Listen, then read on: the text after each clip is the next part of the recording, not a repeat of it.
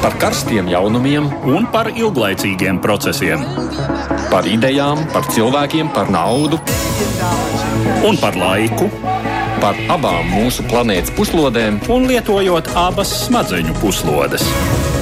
Ēterā raidījums divas puslodes. Aizsmeļamies, studijā, labdien! Visapkārt pasaulē notikumi ir izcinās ļoti spraigi. Mums ir daudz par ko runāt, kad skan raidījums divas puslodes. Ārkārtas situācijai turpinoties, studijā esmu viens pats ar visiem pārējiem raidījuma dalībniekiem. Tātad sazināsimies attālināti. Kas tad šajā stundā būs tie lielie pārnājumie temati? Visneparastāk un grūti prognozējami notikumi risinās uz austrumiem no Latvijas robežas. Krievijā šķiet aptvēruši situācijas nopietnību, valstī tiek ieviest ļoti nopietni karantīnas pasākumi. Tikmēr Baltkrievijā prezidents tēlo bezrūpīgo, bet neoficiāli pienāk ziņas, ka drīz tur seks varētu būt dramatisks. Autoritārās valsts gan cenšas izmantot pandēmiju arī saviem ārpolitiskajiem mērķiem. Krievija, Ķīna un vēl dažas valsts kļuvušas par neparastiem labdariem. Viņi sūta savu palīdzību Eiropai un Amerikas Savienotajām valstīm, kaut arī pašiem nemaz tik labi neklājas. Kā šī pandēmija varētu ietekmēt valstu savstarpējās attiecības? Tikmēr Eiropā politiski vislielākā uzmanība pievērsta Ungārijai. Premjerministrs Viktors Orbāns saņēmis laika ziņā neierobežots pilnvars no parlamenta, kurš darbu faktiski ir pārtraucis, ar ko beigsies Orbāna vēlme iegūt ar vien lielāku vāru Ungārijā.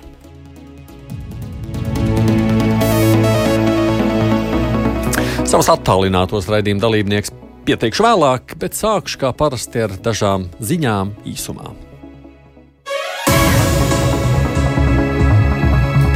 Skaitļi par koronavīrusu izplatību pasaulē joprojām strauji aug. Vissliktākā situācija ir Eiropā un Amerikas Savienotajās valstīs. Tomēr informācija par to, kas notiek citvietā pasaulē, lielākoties tiek apšaubīta.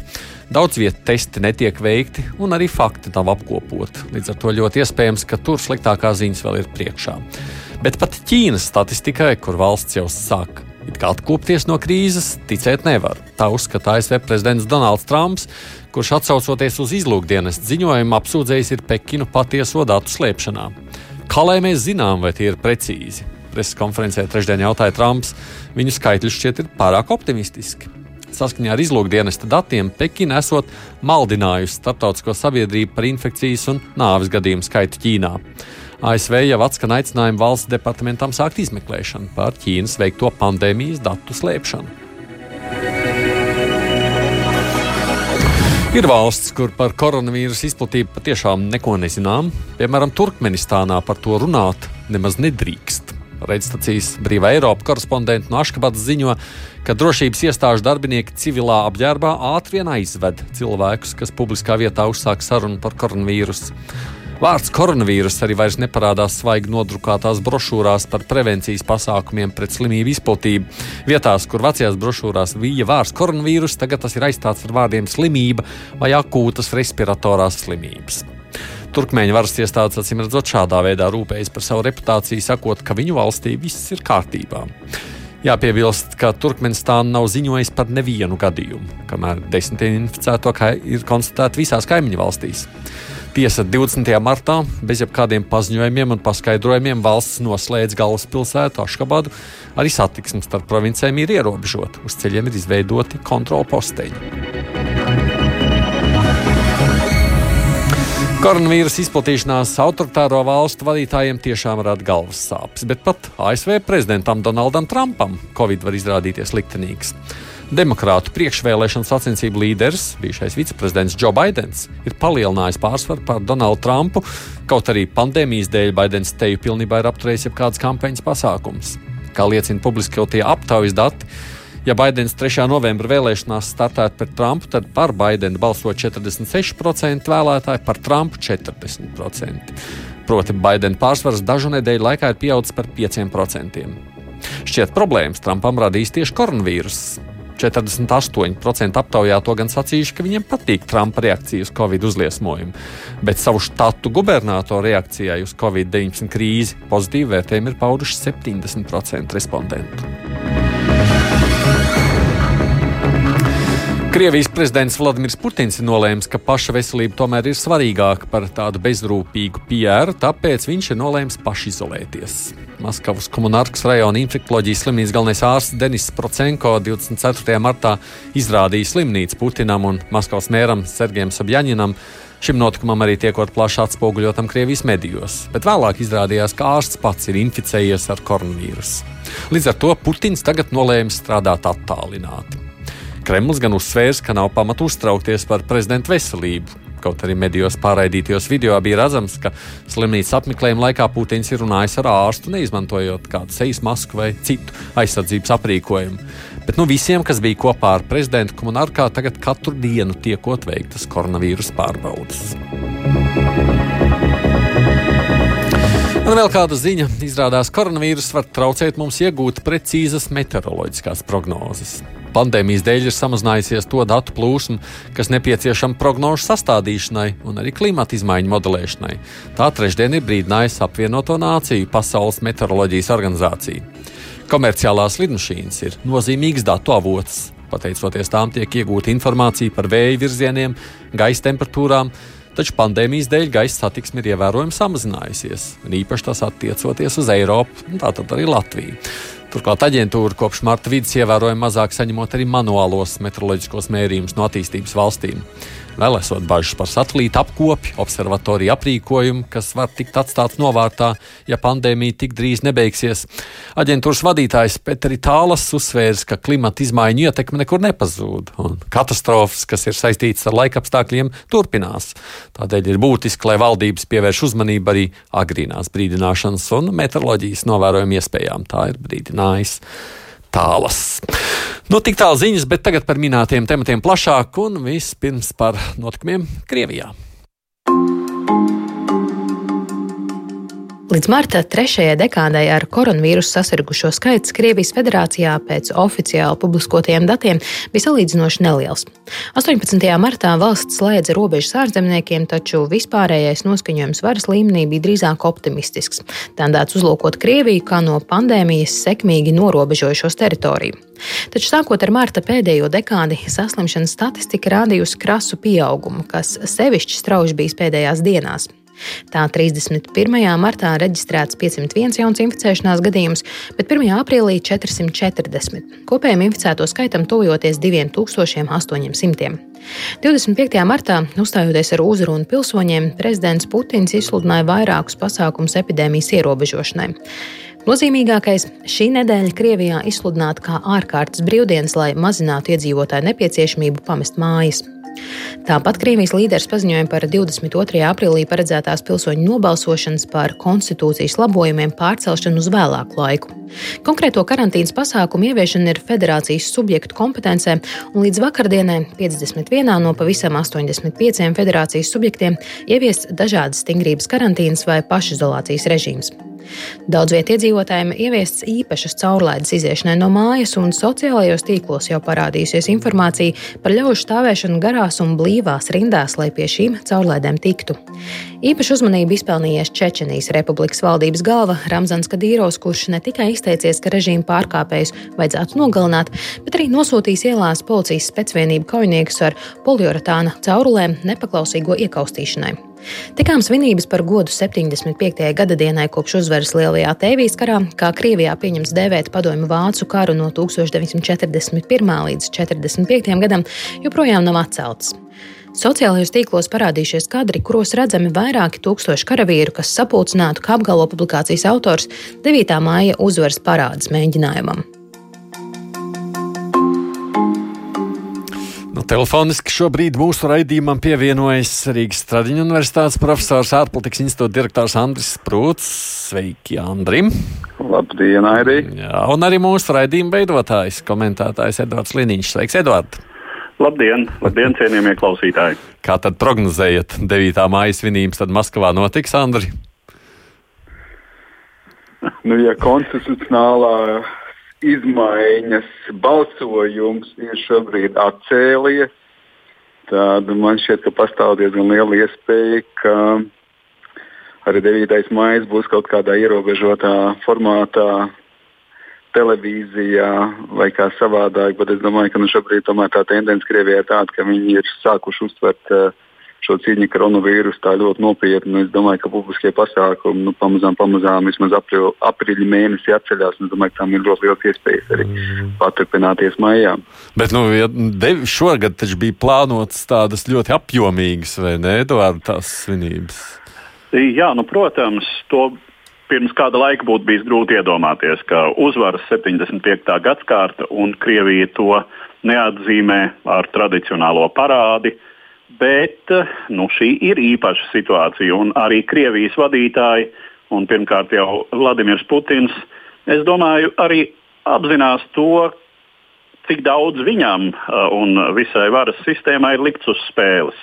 Jo, protams, ar sabiedrību Krievijā var darīt daudz ko, bet um, nu, šī situācija, uh, kad uh, jau tā visdrīzāk būs ļoti nopietnas problēmas, uh, un par, gan par veselības aizsardzības sistēmas, gan par sociālās sistēmas gatavību šādai krīzei Krievijā ir diezgan pamatotas šaubas, nu tad vēl papildus teiksim, sapulcināt Maskavas centrā, sarkanajā laukumā īstu uh, infekcijas izplatīšanas bumbu, kāda varētu būt gan karaspēka parāde ar uh, iesaistītiem tūkstošiem karavīru, uh, gan uh, iedzīvotāju tūkstoši, desmit tūkstoši, kas apmeklētu šādu parādi. Nu, gal galā vispār jau tas nozīmētu, ka ja tajā brīdī Maskavā pastāv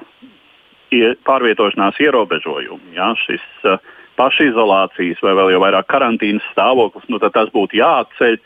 Uh, īsāk sakot, viss, uh, protams, būs atkarīgs no tā, kāda būs epidemioloģiskā situācija, bet es domāju, ka šajā gadījumā tiks upurēta pat uzvaras parāde.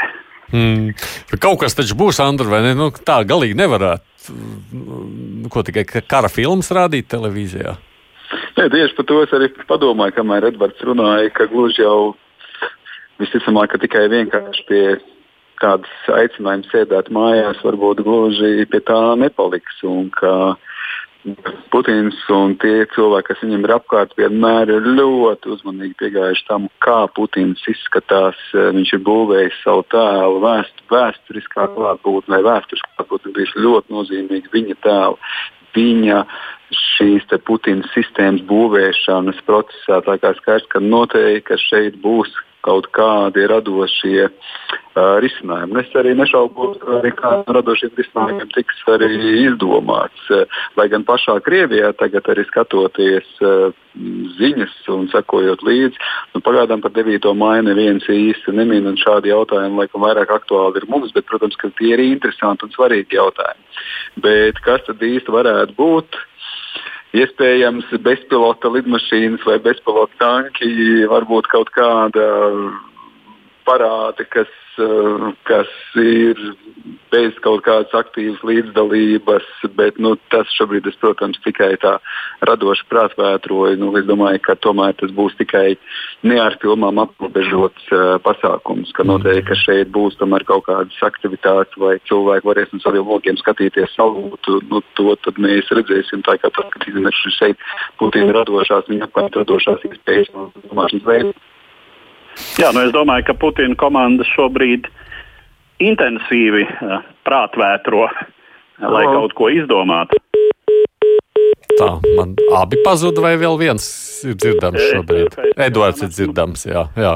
Klātesošs, jā. Nu, tā tad uh, Putina komanda ļoti intensīvi, es domāju, šobrīd domā, ko iesākt ar 9. maiju, bet uh, runa jau ir arī par to, ka pamazām parādās ziņas, ka iespējamie ārzemju viesi kuru jau tā, taisnība sakot, nav pārāk daudz, jo, kā zināms, nu, teiksim, Eiropas Savienības līderi daudzi ir atteikuši savu dalību, vai katrā ziņā nu, nav apstiprinājuši savu dalību šai parādē, bet arī no citām valstīm nu, šai situācijā nav gatavi doties ārvalstu vizītēs. Nu jā, tas ir skaidrs, ka tur neviena nebūs. Es nepārāk, protams, gribu tikai par 9. māju. Man liekas, vēl runājot par Krieviju, kā tad šķiet izdosies tādiem nu, diezgan dramat, nu, nezinu, dramatiskiem līdzekļiem iespiest Krievus savos mājokļos, lai viņi nenāk ārā? Ilgstoši. Nu, Krievijā to būs, protams, daudz grūtāk izdarīt nekā Ķīnā. Mēs zinām, ka mentalitāte atšķiras uh, stipri lielā mērā, uh, un uh, arī vispār izjūta Krievijā tomēr par to, ko nozīmē varas pavēles, tātad varas autoritātes spiediens. Šeit visdrīzāk īsti nav tas instruments, ar ko varētu nu, tikai tīri cilvēciskas bailes. Um, un tā izjūta par to, ka labāk tomēr neriskēt. Bet um, Krievijā vispār šobrīd notiek um, diezgan interesantas lietas, un arī ar pašu Putinu notiek interesantas lietas, jo, kā zināms, nu, kādu brīdi Putins bija pazudis. Uh, un faktiski tieši šobrīd, lasot Krievijas ziņus, ziņu uh, virsrakstus, tieši šobrīd Maskavā ir um, 20 pāri 4. Uh, viņš iespējams uzstājas ar jaunu uzrunu sabiedrībai. Iepriekšējā bija 25. martā, un tad pa vidu bija bijušā premjerministra, šobrīd tā sauktās Nacionālās drošības padomes priekšsēdētāja vietnieka Dmitrija Medvedeva uzruna. Priekšsēdētājs šai, šai institūcijai ir pats Puķins, Medvedevs vietnieks, nu, bet jautājums eh, vispār par, par Medvedeva vietu varas struktūrā Katrā ziņā vidusmēra Krievijas iedzīvotājiem šobrīd nav īsti nekādas skaidrības, ko nozīmē tādas institūcijas priekšstādātāja vietnieka vieta un funkcija. Un tāpēc pret to tas lika daudziem sausīties, ka kaut kas nav tā kā vajag. Nu jā, nu Putins tātad bija drusku kaut Pazud. kur pazudis. Lai gan man liekas, ka cik, cik es atceros, Putins šad tad pazūd un tad visi uh, spekulē. Bija viens, bija viens izteikti tāds epohāls gadījums, un tas bija tad, kad tika notriekta um, virs Donbasa, tika notriekta zināmā Malaizijas pasažieru lidmašīna. Uh, un tad Putins pazuda šķiet uz pāris nedēļām. Nu, viņam varbūt depresija iestājas, bet Andri, ko tu domā par šo krievu mentalitāti un spēju nu, ļauties šai uh, karantīnai? Um, nu viens varbūt par Putinu. Es domāju, ka, protams, es teiksim, tā varbūt gribētu mazliet aicināt, lai mēs nekrītam kriminoloģijas un kon konspiroloģijas tādos valgos, kas, protams, dažkārt ir ļoti nu, saldeni ievalkoši, ka mums Protams, ka kaut kur vienmēr Krievija asociējās ar to nu, mēģinājumu saprast, eh, kas tur tajās svaras elitēs notiek un kas tur beig beigās notiek ar Putinu. Protams, ka kaut kādā veidā tā situācija nav normāla, ka mēs visi koncentrējamies gan pašā Krievijā, gan ārpusē, kas tad ir īsti ar Putina kungu. Un te jau arī pašā Krievijā izskan šie jautājumu, vai Putins kā vērtība pamazām, pamazām nenonāk pretrunā ar to vērtību, ko viņš pats ir sludinājis ar stabilitāti, ka viņš pamazām kļūst par jautājumu zīmi šajā viņa izveidotajā stabilitātē. Jo skaidrs, ka ir vecums tomēr tuvojās un viņa nu, tomēr tie gājieni un piroetis nu, var radīt um, jautājumus. Bet ja runā par Krieviju un tādu nu, Krievijas raksturu, tad šeit varbūt ir klausoties to, ko teica Edvards un salīdzinājumu ar Ķīnu. Tad tā viņš šķiet, ka Krievija ir pietiekoši Eiropeiska valsts ka nu, tur nevar uzturēt tādā pašā veidā šo disciplīnu kā Ķīnā, un ka te ir ļoti daudz līdzības arī ar kaut kādām Eiropas sabiedrībām. Un, ja mēs salīdzinām, runājam par to pašu Ungāriju, nu, tā viņš šķiet, ka varbūt pat ir kaut kādas zināmas līdzības ar kaut kādām konkrētākām valstīm un sabiedrībām Eiropā. Tā kā nav jau Eiropa arī vienota un tāda īsti pretnostatām, ka reku te ir Eiropa, te ir Krievija, te ir Ķīna un visiem ir pilnīgi dažādi pieejas. Nu, te tur ir kaut kāds spektrs, un šajā spektrā pat Krievijas un Krievijas sabiedrība, vismaz kā tā reaģē uz koronavīrusu, tā viņš iet tuvāk, tuvāk Eiropai. Mm. Uh, bet, ja mēs uh, runājam par tām iespējām, skaidrs vienlaikus arī ir tie ķīmiskie elementi. Jo mēs uh, redzam to, ka tiek arī veidotas aplikācijas, aplikācijās, kurā faktiski var izsekot arī tos cilvēkus, kas ievēro vai neievēro karantīnu, ka tās tika izsniegtas visiem Maskavas iedzīvotājiem. Un ir jau pat opozicionāri, kas runā par tādu digitālo koncentrācijas nometni, kurā principā viss tika izsekot un visiem viņa atrašanās vieta tiks identificēta. Praktiski no šī brīža sākās tāda vispārēja nu, totalitāra izsekošana. Tā kā es negribētu krist šajā galējībā, negribētu krist, protams, arī galējībā to, ka ir pilnīgs līdzības ar Eiropu. Bet nu, Krievijai ir sava specifika ar savu modeli, bet jā, kopējā virzienā es piekritīšu, ka šķiet, ka tomēr vairāk ir līdzības ar Eiropu nekā ar Ķīnu. Mm, mēs turpinot, es tikai pabeidzot Krieviju, mēs nevaram iesaisties viens šeit. Te ir vairāki komentāri, nu, gan Niks Jūras raksta Jānim, varbūt viss tāds ar smaidu. Viņš saka, ja Putins varēja pasludināt, ka viņa iztērētie prezidentūras termiņi ir norakstām un viss var skaitīt no nulles, nebrīnīšos, ja Kremlis nosvinēs nākamgad tos pašus 75 Jā. gadus. Aidi, vai es drīkstu burtiski vienu īsu piezīmi? No. Putinam koronavīrus nāk īsti nelaikā, un tieši laikā, kad viņš bija nolēmis tagad sekmīgi, tā sacīt, nulificēt, mm -hmm. nosvītrot mm -hmm. savus iepriekšējos termiņus, jo visa ši, šīs slimības kontekstā ar zināmajām riska grupām, tātad veci cilvēki ir pakļauti pirmām kārtām riskam. Tas sāsina neizbēgami sabiedrības uzmanību uz to, cik jau Krievijas prezidentam šobrīd ir gadu un cik viņam gadu varētu būt tad, kad beigtos viņa divreiz ceturtais termiņš. No šis gan varētu arī attiekties ne tikai uz Krievijas prezidentu, vispār uz dažu valstu vadītājiem, bet es gribu vēl vienu tomēr pieminēt, un tas ir blakus esošā Baltkrievija, kur nu, man liekas, pēdējo faktiski stundu, nu, vismaz diennakts laikā, ar vien straujāk sūcas ārā ļoti interesanta informācija par to, kas notiek Vicepskas pusē, par satraukumu, kāds valda pašā Baltkrievijā, un to, ka mēs nemaz nezinām, kā tas tur īsti notiek un ko tas tur varētu beigties. Ko jūs sakāt par Lukašenko? Nu, tādu, nu, viņš gandrīz ir palicis viens no ratiem, kuram ir tāda lielā bravūra. Nu, bravūra Lukašenko ir bijusi raksturīga vienmēr, un tas ir tāds stils, kāds ir jāuztur šādam uh, autoritāram līderim. Bet te neviens Protams, jau gandrīz vairs neriskē ar šo bravūru. Visi, kam ir bijuši lēnā garā, ir atkāpušies. Viņš vēl pagaidām viens no ratiem, kas vēl cītīgi turas. Nu, mazliet jau arī nu. Lukašenko ir sācis pamainīt to savu nostāju, varbūt no aicinājumiem to, ka traktors izārstēs, jebkuru slimo viņš ir pārgājis uz saunu un uz šņābu dzeršanas aicinājumu. Vai palēdu staigāt? Mm.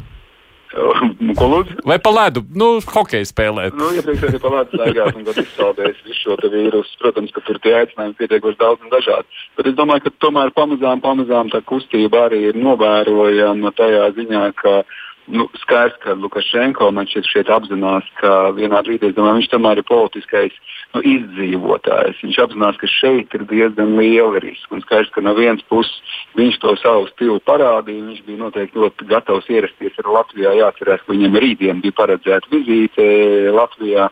Viņš bija gatavs ierasties noteikti arī šeit, bet nu, viņš saprot, ja tas sāks iziet ārpus kontrolas, tad uh, nu, tas ir riskanti. Mēs runājam par Putinu, un arī kā sākotnēji Krievijā bija šī varbūt tā pietiekoši nevērīga un augstprātīga attieksme, bet tas diezgan ātri mainījās. Mēs neizslēdzam arī, ka Lukašenko varētu tā teikt ieturot savu līniju līdz pēdējiem, nu tikpat vienā brīdī ir mainījis savus domas un tikpat autoritāri metīsies citā virzienā un būs gatavs tomēr arī reaģēt. Jo skaidrs, ja teiksim, tas izies ārpus kontrols, nu, tad viņa ievēlēšana, prezidenta vēlēšanas ar nu, teiksim, pilnīgi neidentificētu saslimušo skaitu, un vēl vairāk ar provizorisku līķu vai bojā gājušo skaitu. Es skaidrs, ka tas Lukašenko arī nebūs vajadzīgs. Tā kā es neizskatās, ka tuvākajās dienās mēs varam sagaidīt jau attīstību un teikt pavērsienu šajā frontē.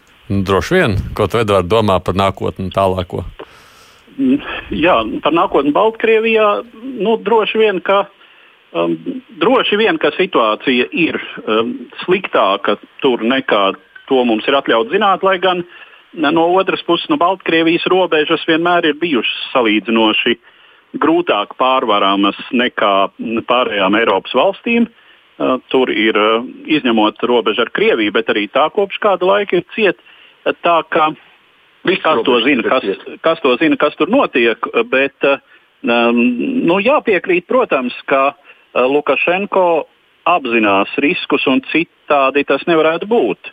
Un te ir faktiski tāda vispārēja atziņa, es domāju, vietā, ka mēs šobrīd redzam tādu, nu, teiksim, šie autoritārie vai, vai autoritārās orientācijas režīmi, um, tie ir diezgan arhaiski pēc savas būtības, un tie kaut kur velk atpakaļ uz uh, senāku laiku varas sistēmām, kad vara tiešām ir koncentrēta viena cilvēka uh, rokās, vien, ap vienu cilvēku būvēta. Uh, un mēs taču no viduslaiku vēstures un senāku laiku vēstures ļoti labi zinām šos piemērus, kad lūk, karalis vai cars valdīja veiksmīgi, visu darīja pareizi, uzturēja labas attiecības ar kaimiņiem, nebija kara, bet te nāca uh, augstums, sausums, nāca bats, un karalis zaudēja galvu, tāpēc ka uh, viņa pavalsnieki gluži nu, šādās sistēmās karalis vienmēr ir vainīgs. Uh, un tāpat diktators. Uh, diktatora vara būtībā ir ļoti trausla, un tas ir šiem cilvēkiem individuāli milzīgs risks. Man jau ļoti interesē, kā koronavīrus ietekmēs šo situāciju gan Krievijā, gan Baltkrievijā. Nu, es šeit būtu piesardzīgs par to vainu. Jo faktiski jau tas pats Putins un Lukašenko man šeit ir bijuši ļoti veikli tajā ziņā, ka parasti pie, pie pie visiem, visām uzvarām viņi ir tie, kas ir tie tēvi, bet pie visiem zaudējumiem vainīgs ir kāds cits. Un es domāju, ka principā jau gan Krievijā, gan Baltkrievijā, nu, manuprāt, runāt par tādu autoritārismu vai diktatūras, vienalga kā mēs to definējam, nu, lejupslīde vai nāve, es domāju, ka ir stipri, stipri pāragri šādiem autoritīviem līderiem no vienas puses, viņa tā var teikt, tas piedarās pie viņas stila, kad viņi parāda to savu mačo nevērību, vai to, ka viņi ir paskatījušies to visu no augšas, un ka šīs liberālās demokrātijas nedarbojās, un ka demokrātijas kopumā nespēja atbildēt uz šiem izaicinājumiem. Bet uh, es domāju, ka viņi ir pietiekoši daudz mācījušies. Mēs runājam par tādiem veidā apgaismotiem, izglītotiem, autoritāriem režīmiem, kas ļoti ātri mācās, kas ļoti ātri apgūst lietas. Un es domāju, ka šī izdzīvotāja politiskie gan Krievijā, gan Baltkrievijā, nu, viņi jau nav naivi apzinoties šos politiskos riskus. Un tikpat vienkārši kā iepriekš viņi, teiksim tā, sludināja vienu virzienu, tikpat ātri viņi mainīs pilnīgi radikāli uz otru pusi un pieņēmis mērus, kas viņus padarīs atkal par spēcīgiem līderiem, ka viņi ir lielā mērā aktīvi un stingri vērstušies pret šiem vīrusiem. Viss būs aizmirsuši par to, ka varbūt sākotnēji bija kaut kāda nevērība. Vismaz jā. viņu pašu sabiedrības, vismaz lielākais jā. vairākums. Nu jā, ir tīpaši, ja tur nav labi, labi, tā mēs varētu turpināt. Nē, nē, nē, viss beidzu, beidzu šito tematu. Beidzam šito tematu. Par Krieviju ne tikai mazliet arī jāturpina, tikai tādā citā aspektā, jo ir interesanti interesanti arī vērot šo dažu valstu tādus politiskos labvēlības žestus un centienus arī ietekmēt sabiedrisko domu. Ierakstīsim, paklausāmies.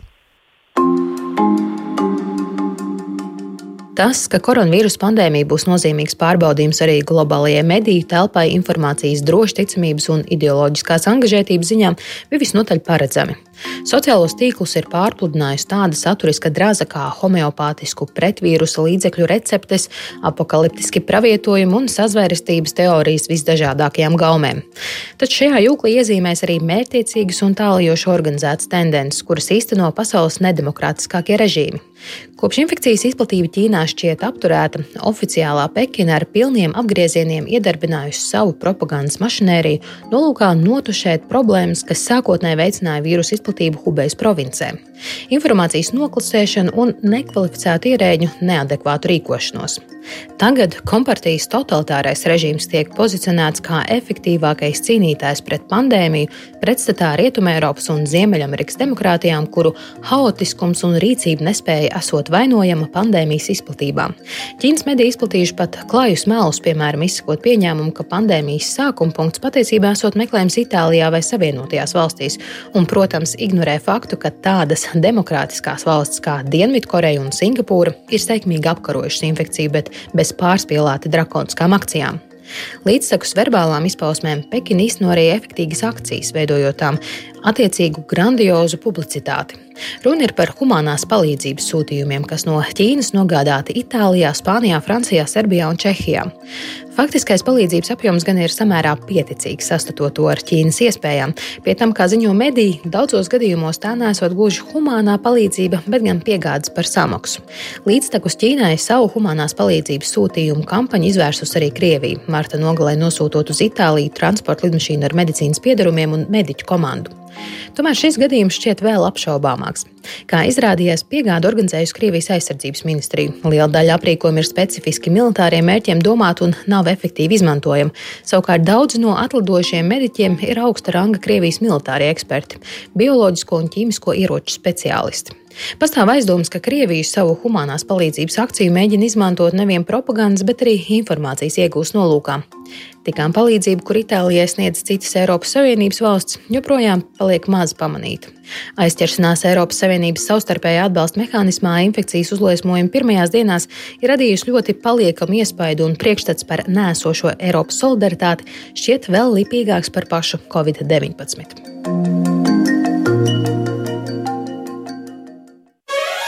divas puslodes. Nu, droši vien, ka jāatgādina, ka tālruņi ir arī Andris Prūts, Nedords Liniņš. Runājot par šiem sūtījumiem, nu, viņam arī spēlē uz tām solidaritātes jūtām, kuras Eiropai šķiet pietrūkst, vai ne tā? Nu, viņi spēlē uz šo tēlu, kas uh, Eiropai, jā, Eiropai nu, tā bija, teiksim, uh, jā, nu, nu, kā lai saka, kļūda, bet var saprast, uh, nu, situācija bija neordināra situācija tais pirmajās dienās, kad Itālijā notika šis vīrusu uzliesmojums un uh, parādījās arī daudz gadījumu jau citās Eiropas valstīs, nu, teiksim, tā reakcija ir uh, psiholoģiski saprotama. Jā, neviens jau Eiropas Savienības galvaspilsētās nav varonis, un kā mēs jau to konstatējām uh, mūsu raidījumā, tad Eiropas Savienības organizatoriskajā struktūrā un uh, funkciju sadalē nav tādu mehānismu, lai savukārt Brisele teiksim, organizētu šo sadarbību. Uh, tāpēc bija jānotiek Eiropas padomes, Eiropa padomes uh, tātad valstu vadītāju saziņai, kon, attiecīgām sēdēm, un, un tad varēja, varēja kaut kas mainīties šai ziņā. Bet, nu, diemžēl, jā, tas iespējas par to, ka uh, Eiropas Savienība nav solidāra, uh, ka katra valsts sautīgi domā tikai par savām interesēm, tas ir iespiedies ļoti izteikti, ļoti daudzu uh, apziņā, un to būs grūti izdzēst. Un, protams, ka šo nu, pilnīgi noteikti izmanto savās interesēs uh, Ķīna un arī Krievija pat vēl lielākā mērā teiksim, tur ir nianses, bet pierādīt, ka Eiropas Savienība nevar uz sevi paļauties šādās situācijās, Um, tas, ir, tas ir apzināts mērķis. Mm. Andri, kā tu domā, kāda tā ietekme būs uz valstīm un attiecībām? Varbūt dažas daž, daž piezīmes. Viens un pilnīgi skaidrs, ka vīrusu laikā, krīzes laikā, traģēdija laikā, nu, politika nekad neapstājās. Tā interešu virzīšana savu tēlu veidošana turpināsies. Tas nav nekas jauns. Šeit mēs teiksim, tā, nu varētu teikt, ka cilvēcisko traģēdiju laikā mums jāsadarbojas, bet skaidrs, ka valstīm ir liels ambīcijas un liels intereses. Par Krieviju es negribētu pārāk gari izteikties. Man šķiet, ka nu, tā krievu vārdu lietojot, un tā ir tiešām bijusi tāda pakazuha, tāda izrādīšanās uh, vispirms sev, savu sabiedrību, palīdzēt citiem, un, protams, varbūt arī palīdzēt tām valstīm, kas ir viņas. Nu, tāda vasarā zināmā veidā tur ir Venecuēla, Ziemeļkoreja un Irāna. Tā kā, nu, tās valstis, protams, ir jaunākie partneri Krievijai. Uh, bet par Ķīnu man šķiet, tomēr par Ķīnas attiecībām ar Eiropu man šķiet, tomēr tā ir komplicētāka. No vienas puses, absolūti, un tas, ko man šķiet, ķīnieši pilnīgi nepareizi dara, un ka tas viņas tēlu neveicina, ir šis mēģinājums pārmest to bumbu. Itāļu pusē, Amerikas pusē, ka tas vīrus nav izcēlies Ķīnā. Es domāju, tas ir pilnīgi neproduktīvi un tas tiešām liecina par tādu zināmu dezinformācijas mēģinājumu novest vainu uz tādu citu. Bet tomēr nevar noliegt arī to faktu, ka vai divus faktus šeit. Viens ir tas, ka Ķīna tomēr ir iesaistījusies tajā kopējā apgādē. Uh, nu, jāatcerās ļoti vienkārši ar Baltiku, no kurienes to vienu miljonu masku atvērt, no kuras valsts tas bija. Tā bija Ķīna. Arī mūsu citu kaimiņu principā sadarbojās un iepērk diezgan lielas uh, teiksim, apgādes uh, no Ķīnas. Tā kā tā Ķīna kā lielā pasaules manufaktūra, nu, viņi ir Viņi, viņi ir ļoti svarīgi un instrumentāli. Un tas, ka viņi novērš to savu krīzi vai apstādinājusi, nu skaidrs, ka šobrīd ir liels iespējas, ka daudz tas, kas tur ir saražots, tomēr var sākt nākt arī mūsu virzienā. Un ar kopēju Eiropas iepirkumu daļai ir saistās ar Ķīnu. Tā, es domāju, ka tā Eiropa un Ķīna, nu šeit ir daudz lietas, kur var sadarboties, kur mums jāatzīst, ka tā palīdzība pat nu, būtu noderīga.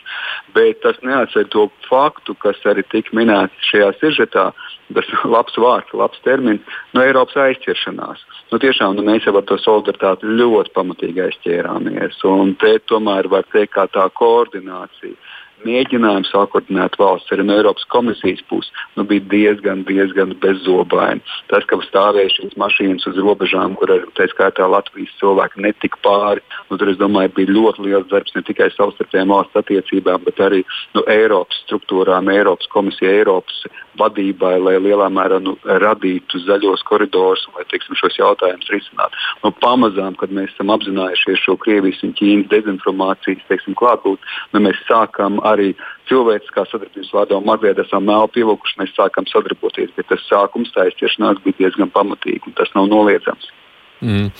Es šajā tematikas kontekstā gribu pajautāt par vienu aspektu, kas nu, rādnies nāca ārā arī no Krievijas prezidenta sacītā, ka varbūt šis ir laiks, kad vajag apskatīt, vai vispār sankciju režīmu nav jāatceļ šajās krīzes situācijās un jāpārskata šo valstu attiecībās. Tam būs kādas dzirdīgas ausis. Nu, tam varētu būt dzirdīgi. Jā, jā, jā, jā um, nu, tam varētu būt dzirdīgs ausis ļoti specifiskos gadījumos. Ja tiešām Krievijā pietrūks kādu um, izteiktu medikamentu, lai gan es nezinu, vai uz medikamentiem šķiet, ka sankcijas neatiecas kas attiecas uz teiksim, plaša patēriņa precēm vai tām sankcijām, Eh, kurām ir pakļautas konkrētas personas vai konkrētas kompānijas, eh, tad, eh, protams, par to nevarētu būt runa. Tur nav nekādas loģikas. Andri? Es domāju, īsa atbilde ir tāda, ka nu, šobrīd nebūs nevienam īsta laika ņemties ar sankcijām. Nu, šobrīd tā situācija ir diezgan ārkārtēja visiem. Un vai tagad teiksim, tiks pārskatītas sankcijas, nezinot to, kā pēc tam attīstīsies savstarpējās attiecības un politika, un kā jau mēs redzam, arī attiecībās ar Krieviju nekas jau pārāk radikāli nemainās, un Krievija to savu spēli spēlē. Bet es neizslēdzu, ka tieši tā arī kaut kādas specifiskās lietas, medicīnās, um, produkti, apgādes, nu, ka tas jau tomēr teiksim, šīm sankcijām varētu arī stāvēt pāri, ja tā vajadzība būs.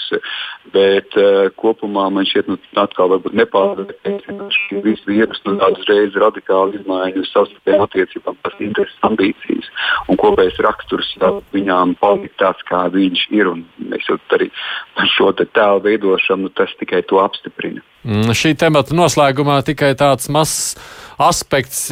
Te bija tāds interesants nu, ziņa par to, ka Krievija sniedz palīdzību humāno Amerikas Savienotajām valstīm. Tā ziņa Jā. izraisīja interesi gan vienā, gan otrā pusē.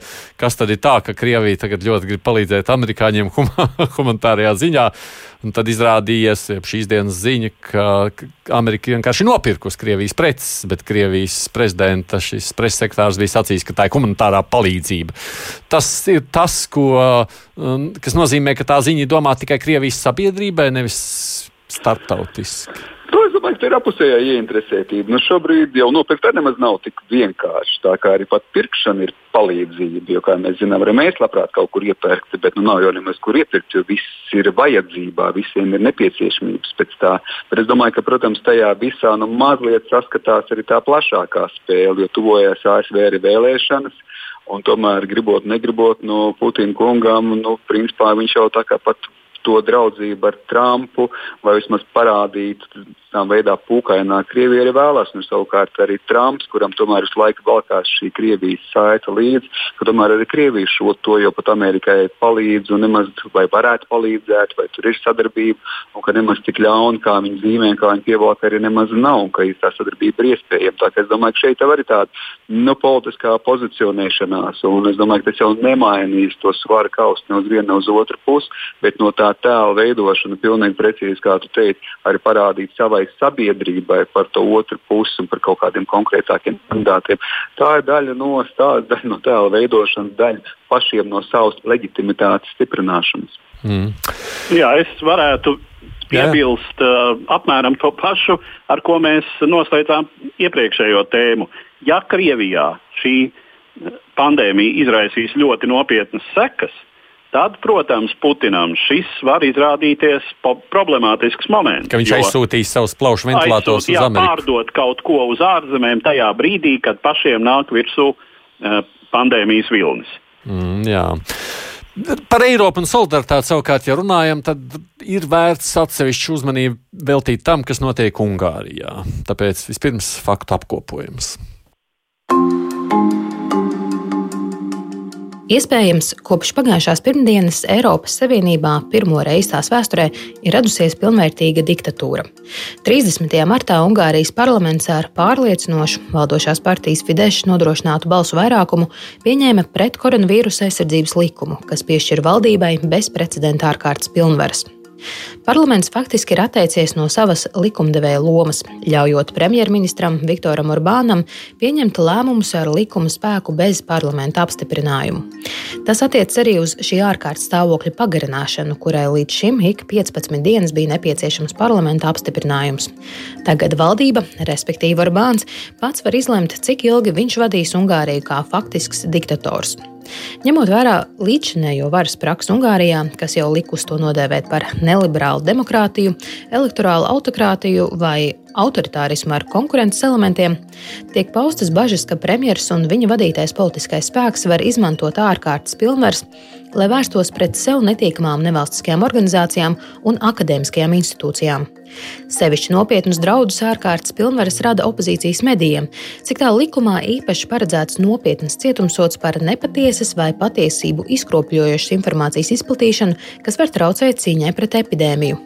Kā zināms, opozīcijas mediju marginalizācija un informācijas monopolizācija ir teju spilgtākā Viktora Orbāna būvētās politiskās kārtības iezīme.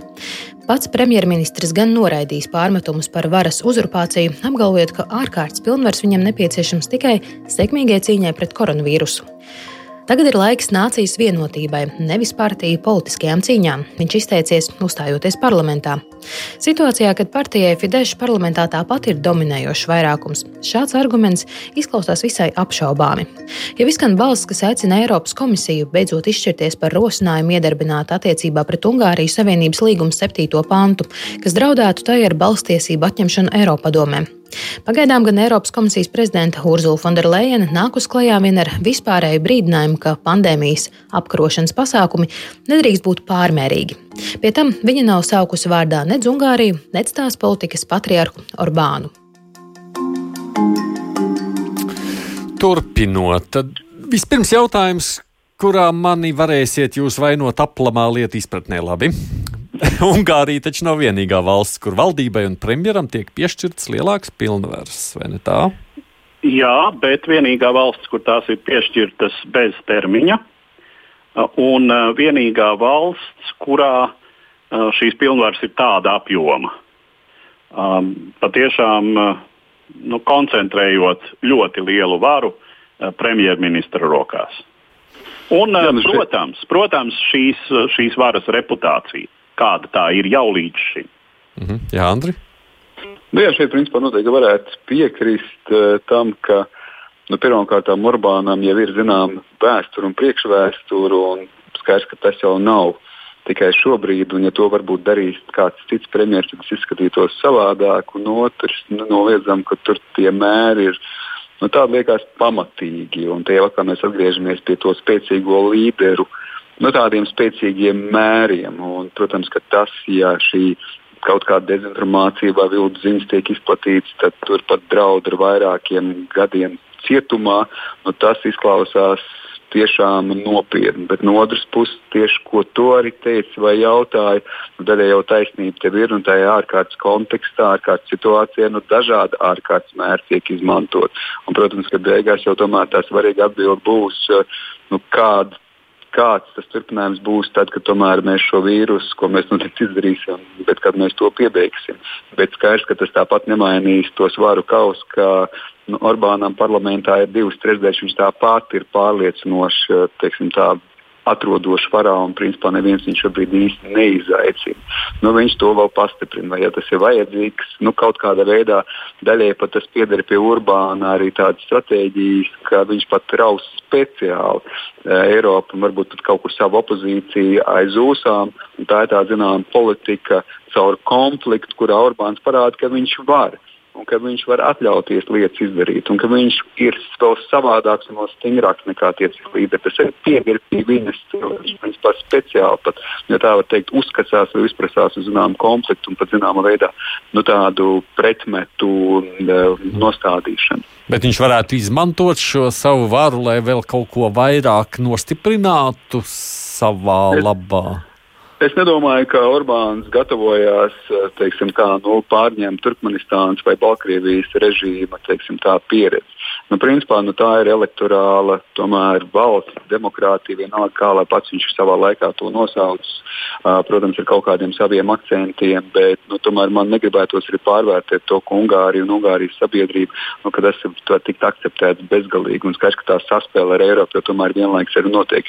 Orbāns ļoti labi apzinās un staigā par to virvi, ko viņa sabiedrība vairākums akceptē, bet tajā pašā laikā līdz galam tomēr nepārkāpjot pāri. Un pat ja šeit ir izskanējuši no bijušajiem premjeriem, tāpat Renzi, kad šobrīd, šobrīd ir jāizslēdz Itālijas bijušā premjera, jāizslēdz ir uh, Ungārija ārā no Eiropas Savienības, nu, tomēr vairākums valsts jau ir pietiekoši piesardzīgi. Man pat šeit ir jāatgādina cits interesants fakts, kas man šķiet viens ir Ungārija, bet otrs, kas parāda Eiropas valsts.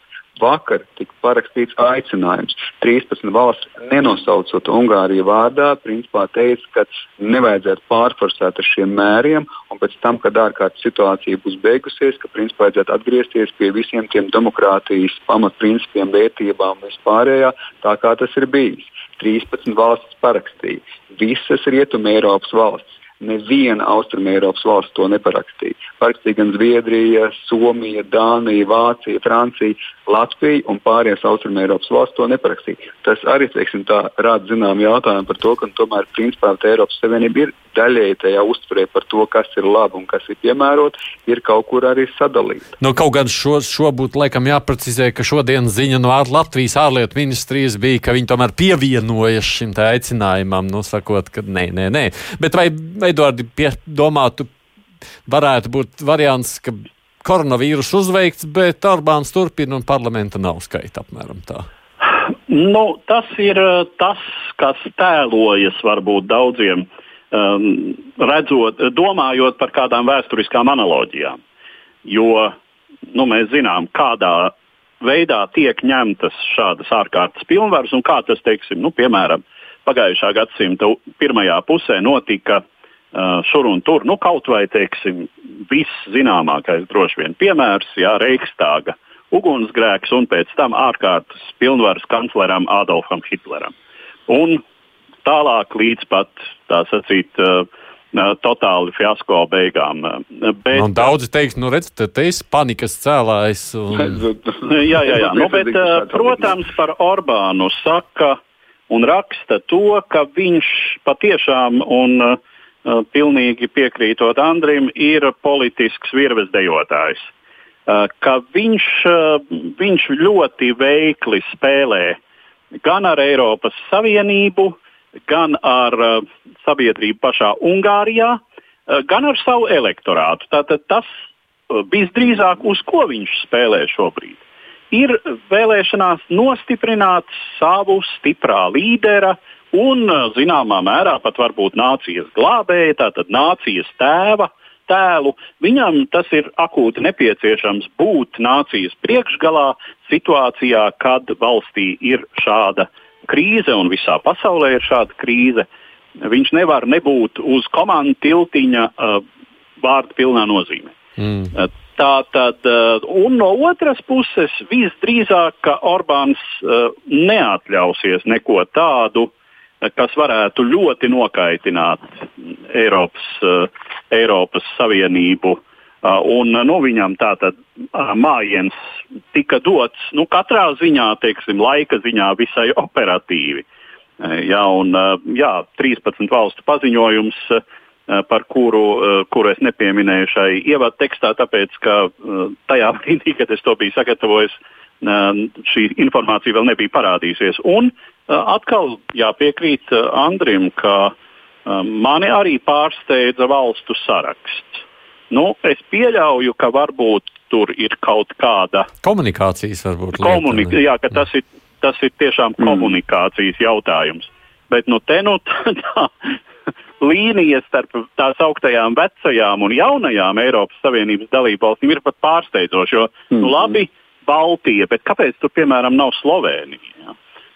Nu jā, par to droši vien saku vēlreiz ārlietu ministrijas šīs dienas paziņojums liek domāt, ka tā varētu arī būt jautājums par komunikāciju, bet vēl viens aspekts šajā kontekstā pēdējās 3-4 minūtēs Eiropas parlamenta, nu, šīs EPP grupas. Tusks ir izplatījis ēstuli, aicinot tomēr Orbānu šajā brīdī slēgt ārā no frakcijas, EPP frakcijas. Tas ir jautājums par principiem. Mm, tam nebūs tādas. Nu jā, nu te, te joprojām iezīmējas tas, ka uh, Orbānam izdodas noturēties šajā Eiropas Tautas partijas grupā, un uh, tāpēc arī mm, Tautas partijas uh, grupas pārstāve Fonderlejenas kundze arī nevienu nesauc vārdā, jo, nu, ja palasa, teiksim, tvītus, uh, kādus, eh, kā, ar kādiem nāk klajā mm, Verhofstāds, eh, viens no redzamākajiem šobrīd Renew Europe mm, bijušās liberāla demokrātiskās grupas līderiem, piemēram. Jā, nu tad tur arī ir skaidrs, ka jāslēdz ārā un momentā. Nevar, nevar izslēgt to, ka izslēgs, bet, protams, ka nu, tie arī no Eiropas un teiksim, citu valstu un citu valstu pārstāvjiem, skaitā arī tautas partijas uh, grupā, nu, parādās jau tā politika. Daudz izrāda to savu sašutumu un pozicionējas, bet beigās tāpat tas neizslēdz. Nu, Ungārijas uh, pārstāvniecība ir pietiekoši nozīmīga arī tautas partijas grupā. Tāpēc ir, teiksim, šeit, tā, protams, ir par tādu lielo un plašāko politiku, un tās balss arī ir nepieciešams. Tā kā sašutums ir jāizrāda, bet to tik turpināt.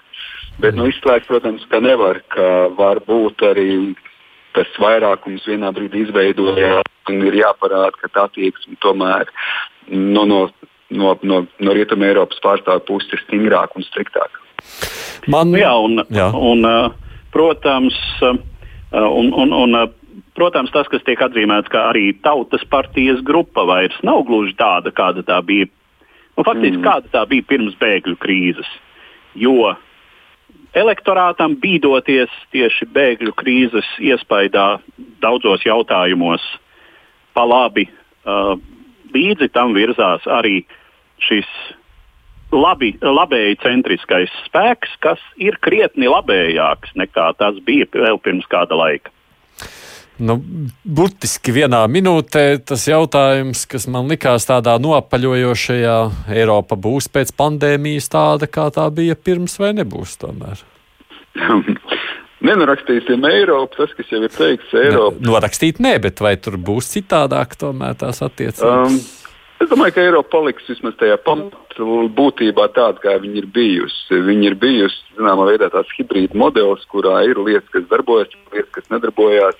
Tajā brīdī, kad tomēr uh, nu, tie nacionālie instinkti, viņiem ir pamats, te viņi arī nāk ārā, un tad aizķeršanās ir pietiekoši liela. Protams, atkarīgs daudz kas no līderības. Interesanti, ka šobrīd atkal pie līderības var atgriezties kaut kur tāpat Angela Merkel, ko mēs jau visi norakstījām. Viņa pats jau norakstīja, un nav jau neviena īsta tāda līdera, un īpaši tajā lielākajā valstī. Tāpēc es domāju, ka mēs visi turpināsim, kā mēs esam um, darījuši to kaut kur muļājoties, kaut kur tomēr pieturoties pie savām vērtībām vienlaikus pielāgojoties krīzēm, kas bija vakar, bet nekad nebūtu līdz galam gatavi tām krīzēm, kas ir rītdien. Es saku jums paldies. Ar to mēs arī šodien beidzam Rīgas Tradiņu Universitātes Eiropas studiju fakultātes dekāns ārpolitikas institūta direktors Andris Prūts un arī raidījuma līdzautors, veidotājs, visu šo faktu apkopotājs Edvards Liniņš. Paldies jums abiem! Studijā bija Aits Tamsons, producents Ieva Zeiza. Paldies, ka bijāt. Tiekamies atkal pēc nedēļas. Skatīsimies, kas šajās dienās noticis. Divas puslodes!